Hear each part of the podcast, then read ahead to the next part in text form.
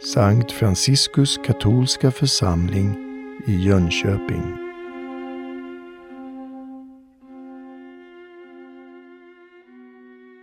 Vi besök här i vår församling av IWTN Nordic, alltså Moder Angelicas eh, världsvida kanal, tv-kanal. Och eh, de spelade in några program här i vår församling. Och eh, det var mycket intressanta personer. Det var två från Sydamerika som spelade in här och, och filmade och eh, de ville berätta sin historia, eh, sin omvändelsehistoria. Och eh, det var mycket rörande och mycket, mycket intressant.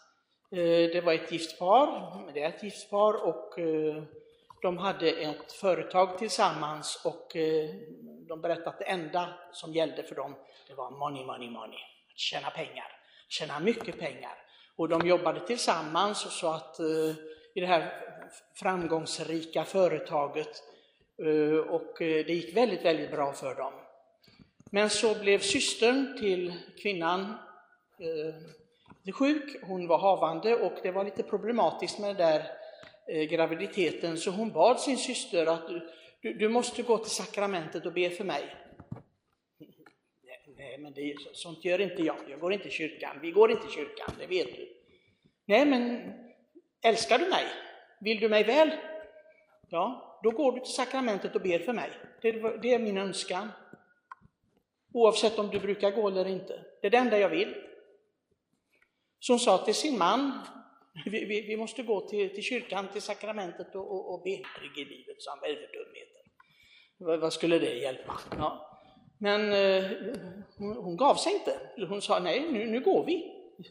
Om, om, om det är vad min syster vill så, så, så vill jag det också. Och nu följer du med mig. Och de kommer, det var en biskop som firade mässan, så att det var inte tomt i kyrkan de kom. Och de satte sig längst ner och så sa ja vi får väl vänta till gubben har färdigt. Och, och så satt de med sina mobiltelefoner och, och textade och grejade och sådär. Och till slut så tog mässan slut och, och de satt, ja vad gör vi nu då? Ja, vi måste prata med, ja, ja, med det här skåpet. och, eh, och de, ja, rädda min syster, rädda min syster och så. Men det började hända saker i deras liv som de inte kunde förstå. Och, och det gjorde att de blev både oroliga och, och, och till slut så hamnade de i, de, de gjorde reklam och eh, det var några som ville att de skulle göra reklam för vallfärder till marianska eh, platser i Europa. Vad är det för? Och då så säger hustrun så här, du, du fyller 40 år, vi skulle göra en resa. Ja, men jag vill till Madrid och se en fotbollsmatch. Och sen, ja, men, ja, men jag vet inte om det ingår i den här vallfärden till Marianska vallfärdsorter. Men i alla fall, kan vi inte åka? Hon tjatade och tjatade, så okej okay då. Men, men, går den till Madrid? Nej, den går till Barcelona. Ja. Och, och kvinnan sa, jag ska be till jungfru Maria att hon gör allt så att du får komma till, till Madrid. Jag vet inte hur långt det är emellan, men i alla fall. Och hon bad och bad och bad. Hon hade aldrig bett förut i sitt liv, men nu bad hon till jungfru Maria och att, att hennes man fick komma till den här, åtminstone nära fotbollsstadion, så att hon fick komma på den här vallfartsorten och be för sin syster. Sagt och gjort, de, de uh, bokar sig på den här vallfärden och eh, så tittar de på schemat och så, och då infaller sista dagen, två dagar innan fotbollsmatchen är, så de har två tre dagar ledigt, de får göra vad de vill och det kommer alltså in den här fotbollsmatchen. Och då säger man, där ser man alltså, jungfru Maria tänker ut att hon är, hon är listig. Jungfru Maria är väldigt, väldigt listig. Hon vet precis hur hon ska göra för att rädda sina barn. Och de eh, kommer bland annat till Medjugorje, de kommer till Lourdes och alla möjliga platser. Och eh, när de sen ska, sista dagen då, komma till den här fotbollsmatchen eh, så tänkte han, vem vet var den här platsen är, men, men det gör ingenting, jag kanske är längst uppe på läktaren, men han hade köpt en jättekamera så han skulle kunna fotografera sin favoritspelare. Och så säger han, nej men du sitter inte där, du ska sitta där framme. Var framme? Andra raden. Så han fick alltså på första parkett, det hade, och han sa det, jag kände mig en gång det är Guds moder som hade ordnat och fixat detta. Jag skulle sitta på första parkett och se min favoritspelare spela. Hon gjorde allt, men för att jag skulle komma till dessa platser. Men det som hände också i detta att var och en hörde, men de sa det inte till varandra, du måste överge dig själv, du måste överlåta dig själv. Och kvinnan hade haft så ont i, i bröstet att hon sa, jag trodde att jag fick hjärtinfarkt. Men hon ville inte säga det till sin man, för hon tänkte då blir han bara orolig. Men nu såg hon på honom också att han satt där och kved. Vad sa, vad är det med dig? Jag har så ont i bröstet, sa hon. Det är precis som jag hade ont i hjärtat. Men vad säger du? Det har jag också. Jag hör röster nu också, sa han. Hör du röster, säger hon. Ja, du sa, du måste överlåta dig, du måste överlåta dig. Nej men det hör jag också. Och, och då frågade de andra i bussen, det var fullt med människor i bussen i den här vallfarten. Hör ni också, hör ni röster? Är det någon som säger, jag vet, vad pratar ni om? Jag hör ingenting. Jag hör bara bruset och trafiken. Alltså, och de skakar på huvudet allihopa. Och sen när de hade kommit till Medjugorje, det var det roligaste, så skrattade vi för då sa han det att eh, jag som var ganska atletisk, jag, jag, jag, tyckte att de här människorna som skulle upp på det här berget, Korsberget, eh, vad ska de där göra? De, de, eh, de har inte tränat och de, de, en del av dem är stora och tjocka och otympliga. Vad, vad ska de här göra? Varför stannar de inte hemma? De kan ju be sina böner hemma.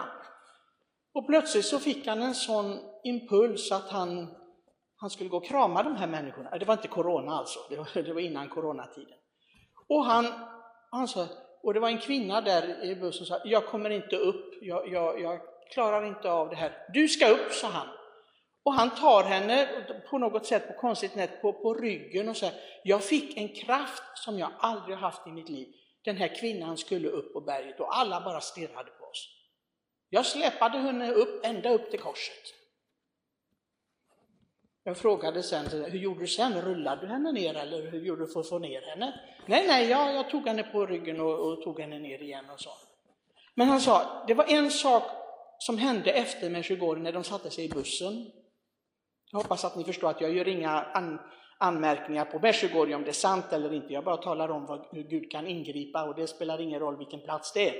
Men en sak var säker när de satt där i bussen och tittade på varandra och hade upptäckt att båda två hörde rösten och båda två hade ont i hjärtat. Vi vill till himlen. Satt och tittade på varandra och sa, vi vill till himlen. Det var någonting som var så främmande för dem, den andliga världen, men det var det de ville. Jag tänkte på det här det de sa igår, jag hade tänkt ut att säga någonting annat idag, men, men när jag jag läste eh, första eh, Johannesbrevet igen så tänkte jag, men det är ju det det handlar om. Att vi har lärt känna honom förstår vi av att vi håller hans bud. Den som säger jag känner honom men inte håller hans bud är en lögnare och sanningen finns inte i honom. Men hos den som bevarar hans ord har Guds kärlek i sanning nått sin fullhet. Vad handlar det om? Just att komma till himlen att vi anpassar oss efter Guds rike. Och det, och det, det är så starkt, det, det är just det enda som, som livet går ut på. De här två personerna som jag träffade igår, de hade förstått det liksom, naturligtvis genom ett samarbete med nåden, men Gud hade hjälpt dem i deras liv att förstå detta. Det hjälpte inte att vara framgångsrika med ett företag eller, eller han var mycket intresserad i bilar och sådana grejer och köpa nya bilar vartannat år och sådana grejer. Det, han förstod att det går ju inte ut på det här. Tänk då om vi bara hade satsat på de här grejerna och sen hade förlorat allt. För det är ju evigheten det, talar, det, det handlar om. Och vi har ju bett den här novenan nu inför den gudomliga barmhärtighetens söndag, förra söndagen som vi firade. Och i den här novenan som syster Faustina då skrev ner, dikterades av Jesus själv, säger hon. Så den sista slutligen, den sista dagens novena, det är olika teman vem man ber för. Så säger Jesus, det svåraste för mig i mitt lidande, det var de kalla och likgiltiga, om ni kommer ihåg det de kalla och likgiltiga. Han säger inte syndarna, de som har överträtt och så. För många av dem som, som syndar, som vi säger, de har många gånger ett stygn i samvetet eller känner att det är orätt. Och det är inte de som det är svårast för. Utan de verkligen som är likgiltiga och kalla. Och jag förstod om den här mannen och kvinnan att de, de placerade sig i den kategorin. De sa inte att de gjorde en massa syndfulla saker eller så. De var helt enkelt likgiltiga och kalla för det andliga livet och för evigheten. Jag tror att det är viktigt, vi firar påsk, vi kristna, och det är viktigt att vi verkligen lever den här påsken, att, att kan förmedla detta på olika sätt med vår glädje och, och vår fördragsamhet och hur vi ser på saker och ting, att, vi, att vi på något sätt, att det smittar av sig. Jag tror att det är jätteviktigt. Och de sa det att det var människor som hade hjälpt dem i den här processen. Och framförallt var det ju hennes syster. Hon hade tvingat dem att gå i kyrkan, helt enkelt. Jag vill ha förbön från er och ni ska gå till kyrkan och be för mig. Älskar ni mig så går ni till kyrkan och ber. Så ni ser, vi kan hjälpa till på olika sätt. Men jag tror det vardagliga vittnesbörden om att vi inte bara blir arga och irriterade över allting och att vi inte bara liksom tycker att det är hopplöst allting. Och så. Det är ett starkt, starkt vittnesbörd. Att vi verkligen tror på detta och att vi försöker anpassa oss så mycket vi kan till den himmelska härligheten. Låt oss göra det och låt oss hjälpa varandra. Det är viktigt att vi ber för varandra, att vi hjälper varandra och stöttar varandra på olika sätt.